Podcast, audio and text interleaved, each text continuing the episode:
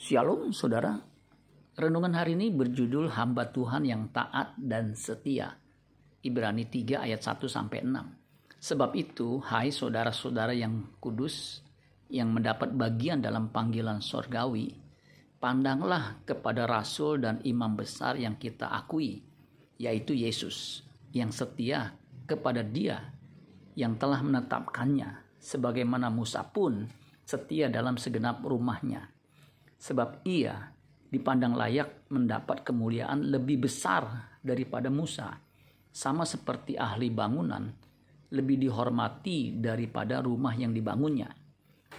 Sebab setiap rumah dibangun oleh seorang ahli bangunan, tetapi ahli bangunan segala sesuatu ialah Allah.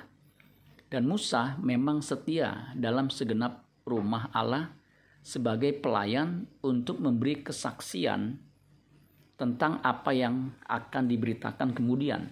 Tetapi Kristus setia sebagai anak yang mengepalai rumahnya, dan rumahnya ialah kita.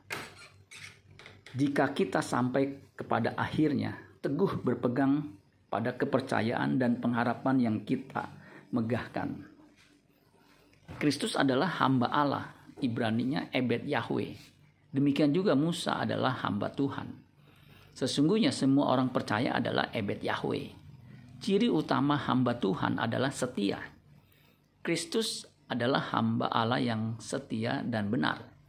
Unsur kesetiaan seorang hamba Tuhan WWH Who, What, and How. Hamba Tuhan mengenali siapa Who, Tuhan yang dilayaninya hamba Tuhan memahami apa, what, kehendak dan rencananya. Hamba Tuhan selalu taat. Ya, bagaimana how, bagaimana melaksanakan perintah tuannya. Mazmur 123 ayat 2. Lihat seperti mata para hamba laki-laki memandang kepada tangan tuannya.